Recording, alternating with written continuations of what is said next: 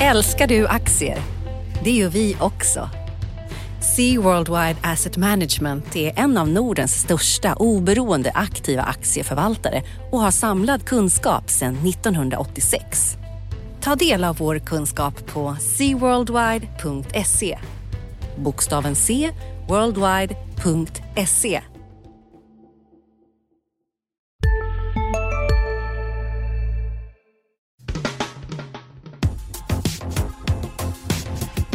Analyspodden från Dagens Industri. Hej och välkomna allihopa till Dagens Industris analyspodd där vi pratar om finansmarknader, eh, börs och allt annat som är viktigt att veta här i världen. Eh, jag heter Ulf Pettersson och mitt emot mig har jag Martin. God morgon Martin. God morgon Ulf. Blomgren, du har också ett efternamn. Jag har också ett efternamn. Bra det. Eh, det har varit en händelserik vecka får man väl säga. Mm, igen. Igen. Börsen svajar, biljättar svajar, kineserna svajar, Norge svajar också lite grann. Norge svajar. Allt. Vi sitter säkert, Vi sitter tryggt än så länge. än så länge. Vi har en ny chefredaktör. Ja, där Snart. svajar det. Mm. Mm, snart. Det har Så vi. det får vi kamma till oss. Ja, det får vi göra. Eller åtminstone jag, du har inte så mycket att kamma Ja, kanske. jag är välkammad alltid. Bra Martin. Vi börjar med den skakiga börsen då. Eh, vi var ner nästan 3% i torsdags. Idag när, det här, när vi pratar här så är det fredag och då är börsen upp 2 Mm. eh, Vad säger du om det? Ehm, ja, när det stängde på torsdagen så var det ju nosade på den här eh, så kallade björnmarknadsgränsen då på 20% ner från toppen. Just det. Eh, vilket ju man ska ta med för vad det är då, en, en rejäl nypa salt. Men, Ja, men ändå, det är en ganska bra, en ganska bra sådär att har det fallit 20 då är liksom trenden bruten kan man säga. Ja, då är, det ju, då är det ju något stort Som som har hänt. Och sen så ja, vi frågar om det studsar på det här som det gör nu på fredagen eller om, om det bara är en eh, så kallad död katt som studsar att det ska fortsätta ner sen. Då. Ja, det, blir ju, det, det avgörs ju här kommande veckan huruvida vi verkligen går in i en bärsmarknad eller om, eller om det visar sig vara ett köpläge så att det bara var rekyl som man ska använda till att köpa aktier. Men om man Eh, ska förklara de senaste dagarnas nedgång så, så tror jag man får backa tillbaka till eh, en vecka när Fed-beskedet kom då förra torsdagskvällen att man inte höjer räntan. Och det i sig var kanske inte något som ska sänka börsen men de var ju ovanligt, eh, ovanligt oroade för omvärlden. Just det. Vilket de ju inte brukar vara annars när de sätter räntan i, i eh, USA.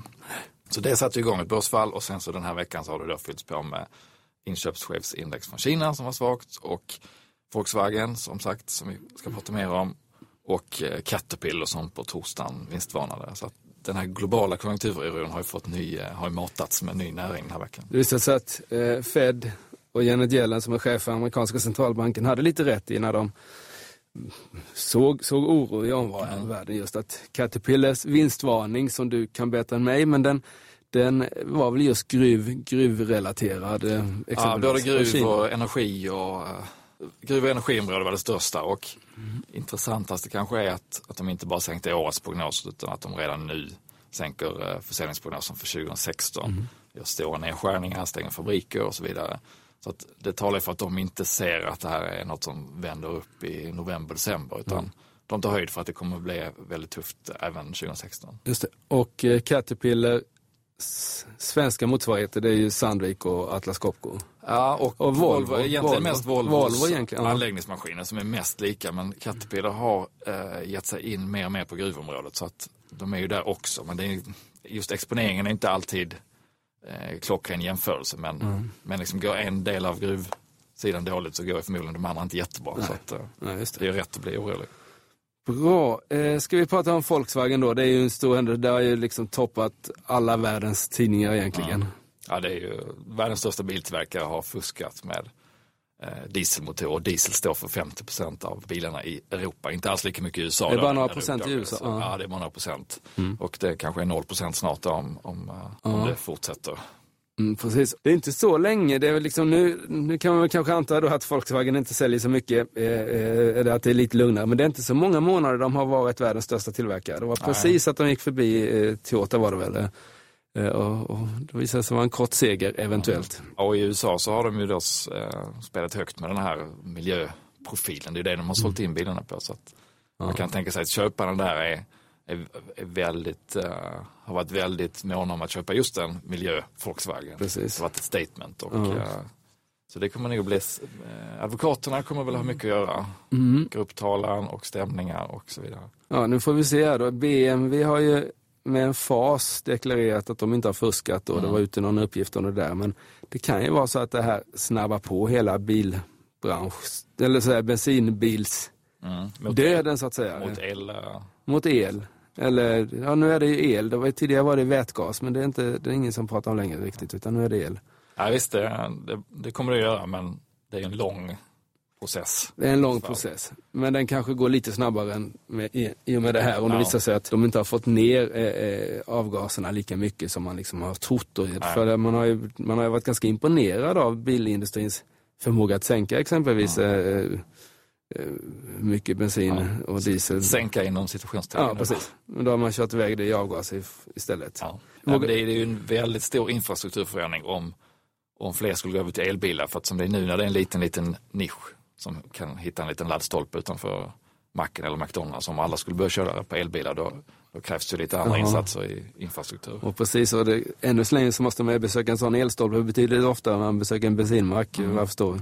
Nej, så det, det är inga, det är inga små, små puckar, men jag tror ändå vi är på väg dit. Det känns, känns som det. Mm. Ja, det var ett stökigt. eh, Och det där, tror du det kan fortsätta lite eller liksom var den här 40 i urblåsningen tillräckligt för Volkswagen? Det är ganska mycket för ett så pass Ja. stort bolag. Ja, det är väldigt svårt att säga. Ja. Det är klart att Volkswagen-aktien har ju studsat upp och det kommer säkert att hoppa upp och ner. Det, beror, nej, det, det går liksom inte att... Nej, det, det är bara, det, det det, blir gissningar. Det blir gissningar. Bra. Volkswagen, Kina, Caterpillar, skakigt. Eh, Norge har vi haft. Norge också. Mm. Räntesänkning på torsdagen. Just det, den var inte riktigt väntad.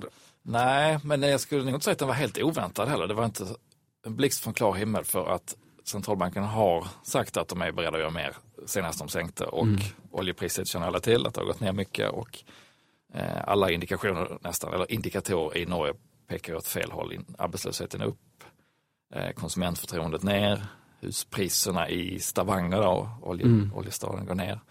Eh, och kronan mot svenska kronan har idag gått ner till paritet, vilket det. var en 13-14 år sedan senast. Så att, Ja, det var, det. det var till och med, jag tror det var 92, eller har det, ja, det kanske har varit ner och studsat på en spänn, men alltså den stora förändringen skedde ju med vår devalvering 92. mm. Eh, Så det, det, det är historiska tider att den norska kronan äntligen är lägre värderad än den svenska då. Eh, Det kommer jag ihåg förr i tiden när man semestrade med mamma och pappa. Då kostade en dansk krona 70 öre och en norsk kostade väl 85-90. Vad tid är det? Det var tidigare det. Då hade man råd att åka utomlands. Ja, det kan, det, om man ska dra det vidare så kommer det naturligtvis att kunna gynna turistnäringen i Norge lite och exportbolagen lite. Och de som drabbas då är ju alla svenska bolag som exporterar dit. Ja. Och det är vår största handelspartner tillsammans med Tyskland. Så att. Nej, för, inget- nej, för många små och medelstora bolag kan det vara en, en ganska rejäl smäll den här valutanedgången. Det tror jag. Vi har väldigt mycket, det är som sagt att tillsammans med Tyskland är, det, är Norge vår stora handelspartner. Och så har vi liksom norrmännen som har drivit upp mycket av, av liksom, det har byggts massvis av köplådor i, längs västkusten här och, och sådär. Och priserna på sommarstugor och sånt på västkusten har också drivits upp av no- norska kronor. Så det där, där får vi nog också en negativ effekt förstås. Jag har sett Clas Ohlson-aktien har ju backat ganska mycket. Mm. Inte bara på det naturligtvis, men de är en stor, eh, har en stor verksamhet i Norge. Ja, Så att det, det blir reella effekter av, eh, av valutan. Ja, det blir det. Och där är effekten att eh, de norska kronorna som Clas Ohlson tjänar blir mindre när vi översätter dem till svenska. Visst, och det, Så det man ska hålla koll på i Norge framöver om man ska eh, se hur valutan går, så det är väl hur stor spridning från oljesektorn till resten av ekonomin eh, det kommer att bli. Mm. För än så länge har väl konsumenterna kunnat liksom fortsätta handla och de har ju sin oljefond så det är fortfarande ett rikt land och, då- och de flesta parametrarna ligger på bra nivå även om riktningen är fel. mm, Men, men om oljepriset fortsätter vara lågt länge, vilket ju ganska mycket talar för, så, så kommer det förr eller senare spridas till resten av ekonomin också. Då eh, kan det bli en, lång snuva för Norge. just det. Jag såg att eh, Lundin Petroleum här på morgonen gynnades lite av, av ska vi säga, den norska krisen eller åtminstone nedgången genom att de hade de kommer kunna eh, investera lite billigare än vad de hade gjort annars vad jag jag gick faktiskt igenom ett norskt bolag som jag rekommenderade i tidningen för ett år sedan. Vi går ju alltid igenom våra rekommendationer efter ett år. Det var XXL, det här är Sportklädes, sporthandels. Sporthandelskedjorna, inte så mycket kläder som de flesta andra. Det ja. finns ju där också men de har ju gått jättebra på börsen, upp 45 procent. Eh, och som svensk då så har man ju förlorat lite på kronförstärkningen men det blir ändå 34 procent på året. Och det där, de, tar ju, de växer fortfarande i befintlig butik med 6 procent. Det gör ju inte H&M längre utan e-handeln äter ju upp lite mm. av det där. Men, men de, fortfarande går det väldigt bra för XXL men aktien är väldigt dyr så jag tror att... Är det dags att plocka hem? Ja, kanske. Det är väl lite sådär eh, för tidigt att sälja, för sent att köpa eller vad man brukar säga. Eh, det är ett svårt läge men absolut eh, mycket av uppgången P27 det, det krävs ganska mycket då mm. i den här världen för att det ska vara köpat tycker jag. Rapport från H&M efter veckan. Just det. Du träffade Carl Jag träffade Carl-Johan Persson, ja. Hur var det med honom? Det var bra med honom tyckte jag. Trevlig figur, eh, verkar inte ha varit skadad av alla miljarder han, han fick redan från förr. Har du också valt att bli egen? Då är det viktigt att skaffa en bra företagsförsäkring. Hos oss är alla småföretag stora och inga frågor för små. Swedeas företagsförsäkring är anpassad för mindre företag och täcker även sånt som din hemförsäkring inte täcker. Gå in på swedea.se företag och jämför själv. Sista dagarna nu på vårens stora season sale. Passa på att göra sommarfint hemma, både inne och ute och fynda till fantastiska priser. Måndagen den 6 maj avslutar vi med Kvällsöppet i 21. Välkommen till Mio. Så att säga, utan eh, att göra ett bra jobb. Jag tycker att det är de driver bolaget på ett bra sätt och har breddat verksamheten geografiskt och med nya typer av butiker, och kost och de här. Och så där vinsten påverkas ju nu av den starka dollarn, men det där är ju en temporär effekt. Alltså de, detaljhandeln missgynnas ju förstås när dollarn drar iväg men när, när, sen så när det stabiliseras då har ju alla samma, så jag tror det är rörelsen som är viktigare där än själva liksom nivån på dollarn. När dollarn var uppe på de här nivåerna och mycket högre för ett antal år sedan så tjänade ändå liksom H&M bra med pengar. Så det är inte det där motsatsförhållandet som finns i, i exportindustrin där det är liksom en nivån på dollarn som är viktig för svensk skogsindustri exempelvis utan det är liksom rörelserna som är krångliga. För man köper in ett halvår före. Och i takt med att de växer på dollarmarknader så, så blir det... Ja, och det går ju snabbt nu. Kina, Kina växer eh, 22 procent lokal valuta. Eh, det gör även USA och sen så lägger man på då den här dollarrallyt så är det 50 procent upp i år. Mm. Både i Kina och USA. Och det där kommer ju jämna ut deras valutaflöden så småningom för mm. det är där de växer. Tyskland är ju fortfarande en fantastisk marknad. Tittar man på försäljning per butik så är, ligger Tyskland överlägset alla andra länder och lönsamheten är säkert ohyggligt god där men, men tillväxten är inte så hög längre. De öppnade Ja, det var liksom ett par, ett par procents nya mm. butiker här. Så de börjar det liksom mättat. Det är, det är nog mättat, det är inte mycket att göra i, utan nu är det då USA, Kina och alla dessa nya länder som de ska in i. Det var ju mm. Puerto Rico, Nya Zeeland och, och vad det var här senast. Tidigare var det liksom, jag eh, följde H&M väldigt noga ett, ett tag, det är 10-15 år sedan nu då, men då var det liksom ett land per år var liksom takten när eh, eh, Stefan Persson, men nu är det liksom... Nu är det tre butiker per dag resten av året. Ja, ja. Det är svindlande. Ja, det är det faktiskt. Nej, jag tror att aktien, eh, den är aldrig billig, men jag tycker att det känns som ett ganska bra bett i en jobbig börsperiod ändå. Alltså. Mm. Det är ändå de delar väl inte ut mest pengar på börsen men säger att man får, nu har kursen gått ner, säger att man får 3-4 procent i utdelning så är inte det så dåligt. Och man ska nog äga H&M så länge man känner att varumärket stärks och det gör det fortfarande. Jag tittade faktiskt på och tog fram listan precis på största direktavkastarna på ja. börsen. Just med det utgångspunkten ja. att eh, man drar alla över en kam i de här i sådana här veckor som det varit nu när, när börsen går ner kraftigt på konjunkturoro, då, då sjunker i princip alla aktier. Ja. Även de som kanske inte ska drabbas så mycket Nej. och även de som har väldigt stabila utdelningar. Mm. Eh, så att man hittar ett 20-tal bolag som har 4,5 procent eller mer i direktavkastning mm. det här mm. året. Mm. Och eh, om vi bara snabbt drar topplistan så är det Nordea på närmare 7 procent. Det är Telia Sonera nästan lika mycket, Tele2, Swedbank, HiQ, Tieto, SEB och så vidare. Och så vidare. Mm. Och Vissa av de här kan man naturligtvis ifrågasätta, kommer de att kunna hålla den här utdelningen om, mm. om, eh, om konjunkturen klappar ihop? Mm. Nej, det kommer inte alla att göra, men jag skulle säga att det är ett ganska förmånligt tillfälle om man vill bygga en långsiktig direktavkastningsportfölj att, att börja leta pusselbitarna nu. Mm.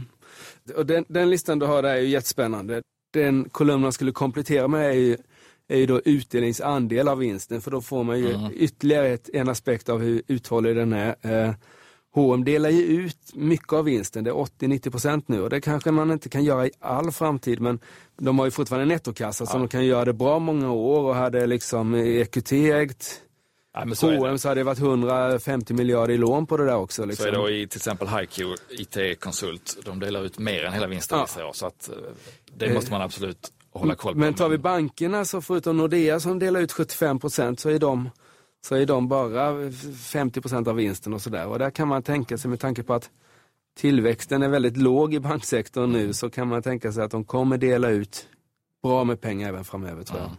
Ja, det tror jag också. Det, hotet där är ju att en stor finanskris. Ja, om fastighetssmäll i Sverige. Ja. Jag, jag börjar bli mer och mer orolig för det där. Jag gick någon promenad med familjen i helgen här som gick och gick förbi något skyltfönster hos någon mäklare som sa att han hade sålt en lägenhet för 98 000 kvadratmeter i Årsta. Mm. Och eh, jag tror att den gick för 5 000 när jag flyttade dit 95 alltså. Så det är ju... Ja, det, ja, det är svettigt, inte... men ingenting kommer ju att smälla förrän folk blir arbetslösa eller räntan går upp kraftigt. Nej, så, nej, så är det. Precis. Så att det är inget som kommer att hända men det som... nästa, spela in nästa podd. Nej, nej det, det, kommer inte hända eh, till nästa podd och det kanske dröjer länge men det som oroar mig, och jag tror inte att räntan kommer flyga iväg till de här liksom 5-6 procenten som man liksom... Nej. Men, men, men det som ändå oroar det är storleken på folks balansräkning. Liksom att har man en lön på 25 000 efter skatt så är det 300 000 om året. Så har man helt plötsligt en balansräkning med, som är 10-15 gånger större än vad mm. årsinkomsten är. Skulle man jämföra det på ett bolag så blir det väldigt känsligt för mm. små rörelser på något sätt. Men jag håller med, på, på medellång och lång sikt så är det ju, är det ju läskigt. Mm. Där skulle, man hitta, där skulle man egentligen hitta ett system. Jag vet inte hur man, det går inte att sälja halva huset hur som helst. Det är klart att man kan låna ut till, eller hyra ut till någon student, men man skulle liksom vilja det finns nog en del som skulle vilja skala ner lite grann hur man nu skulle, man skulle liksom på något vis hitta något instrument som folk kunde... För villaägare så kan man ju bygga en sån här attefallshus och hyra ut till ja, det kan man göra. lämpliga personer. Mm. Så det är. Men nu kommer vi lite från börsen. Här, just det, just det. Nu ska vi prata aktier igen. Uh... Höjdpunkten nästa vecka om vi rullar över till det ja. så är det ju Autoliv kapitalmarknadsdag. Börjar på torsdagen.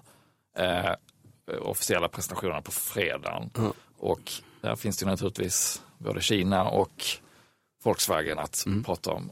Och det är även kapitalmarknadsdag i Metso som då är en gruvkonkurrent till Atlas och eh, Sandvik i Finland. De har på tisdag tror jag. Skjut, skjut mig inte om jag säger fel nu, men jag tror det är på tisdag. Eh, och det blir också väldigt intressant att höra om det kommer någon eh, signaler därifrån med tanke på Caterpillars besked. Just det. Och när det gäller Autoliv så är det också spännande här. De har ju kvar, de gynnas ju av det här japanska haveriet i Takeda då. Så vet jag inte om de missgynnas eller gynnas av Volkswagen. Det är väl lite oklart huruvida de gynnas ju av, av, av Volkswagen om det skulle visa sig att de säljer mindre till Volkswagen än till övriga stora, stora eventuellt då. Men det är svårt, jag vet inte. Det får väl, jag vet inte om vi har som tur att vi blir av med Hägerstrand där på torsdag fredag så han kan... Jag tror det finns goda möjligheter för det. Ja. Ser ut som en lovande nästa vecka då. Vi har även inköpschefsindex mm. som kommer på torsdag. Den som vi pratade om tidigare för Kina som var svag, det är, var ju den preliminära. Nu kommer den eh, riktiga då, första, första dagen i en ny månad. För den där var, alltså Kina-siffran var ju sämre som kom i veckan här. Den var 47, 50 är tillväxt, ja. 47 förväntat var 47,5.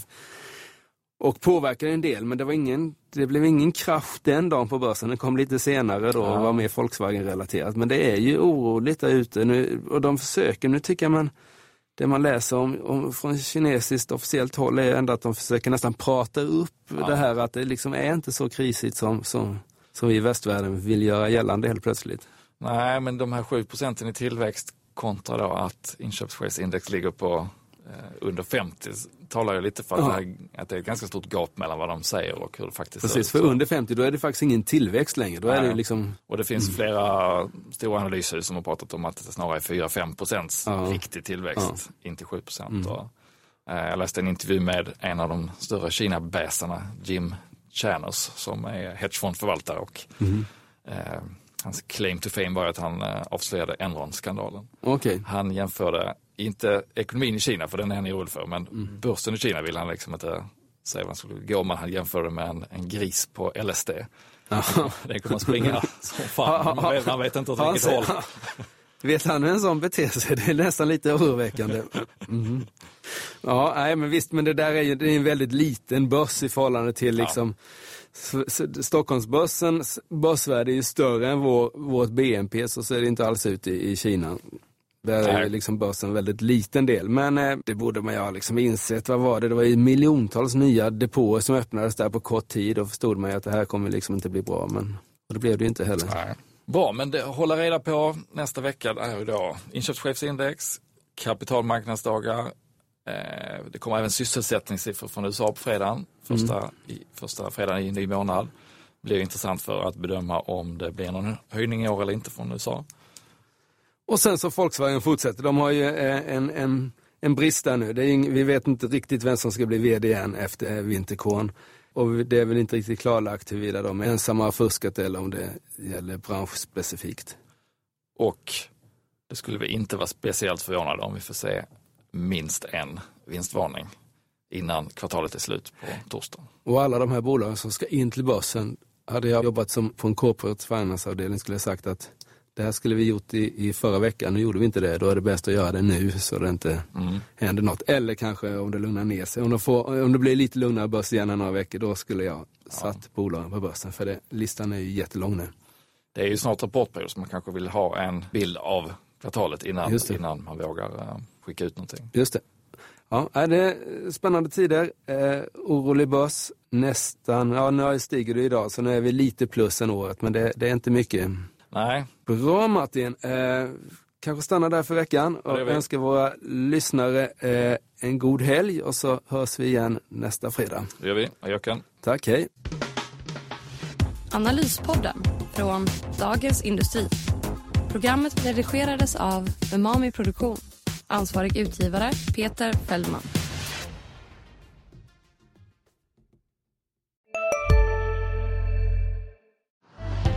Älskar du aktier?